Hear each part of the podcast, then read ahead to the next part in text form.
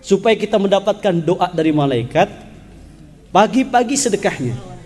Ya karena kata Rasulullah sallallahu alaihi wasallam Allahumma ati munfikan khalafan. Ya Allah lipat gandakan orang yang bersedekah pada waktu pagi hari ini. Jadi orang yang bersedekah itu mendapatkan doa dari malaikat apatah lagi sedekah itu kita keluarkan di waktu pagi. Allahumma ati munsikan talafan ya Allah. Sumpahkan sempitkan rizki orang yang pelit waktu hari ini Mau didoain malaikat kayak begitu enggak? Maka ikuti program ini. Ya. Ikuti program ini. Saban hari dua ribu.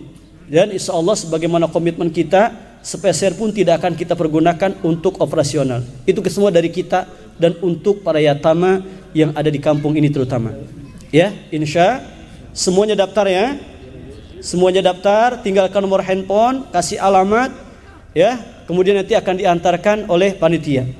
Kalau enam bulan nanti ya nggak ada isinya, udah enam bulan dikasih kok nggak diisiin, isiin.